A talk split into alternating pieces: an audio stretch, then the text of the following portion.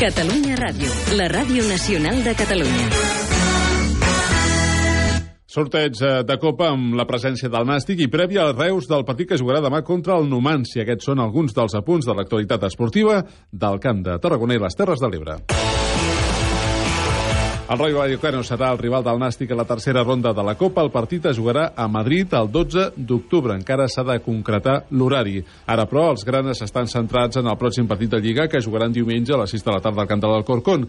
El Nàstic buscarà la seva primera victòria a la Lliga. Vicente Moreno podran recuperar la majoria dels jugadors que arrosseguen molèsties físiques. També han arribat a temps els jugadors internacionals. Dimitri venia de la selecció inclús jugar el partit del, del dimecres de Copa, con lo cual no, no hi ha excusa ninguna. Yete eh, ahir ja va entrenar en l'equip tal volta, pues, bueno, sí, pot ser que, que Otto i, i Levi eh, pues, sobretot per el viatge venen algo més retrasats pues, tot, tot i recuperació la fem algo més tardia però jo crec que, bueno, per això estem també professionals. El tècnic del Nàstic reconeix que el camp de l'Alcorcón sempre ha estat un estadi complicat per jugar i on la majoria dels rivals tenen dificultat per puntuar. I ha canviat alguns jugadors, no? També manté uns altres, el fet de canviar d'entrenador també sempre n'hi ha algun, algun canvi, però bueno, jo el que he pogut veure seguir sent un equip molt competitiu, eh, molt, molt, molt dur, molt, molt difícil, eh, rocós, i després pues, bueno, seguís tenint, tenint alguns jugadors que marquen la diferència en la categoria no? eh, si l'anar més junt pues, el màxim golejador de,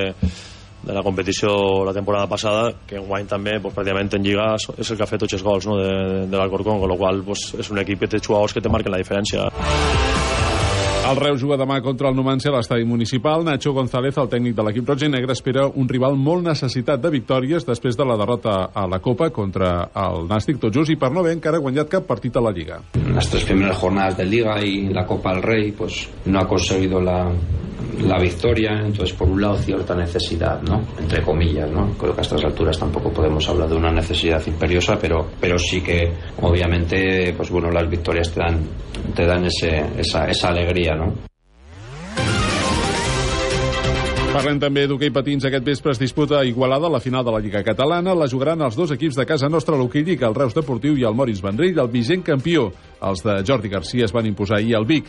Garcia diu que volen tornar a guanyar la Lliga, però recorda que es tracta d'un partit més de pretemporada.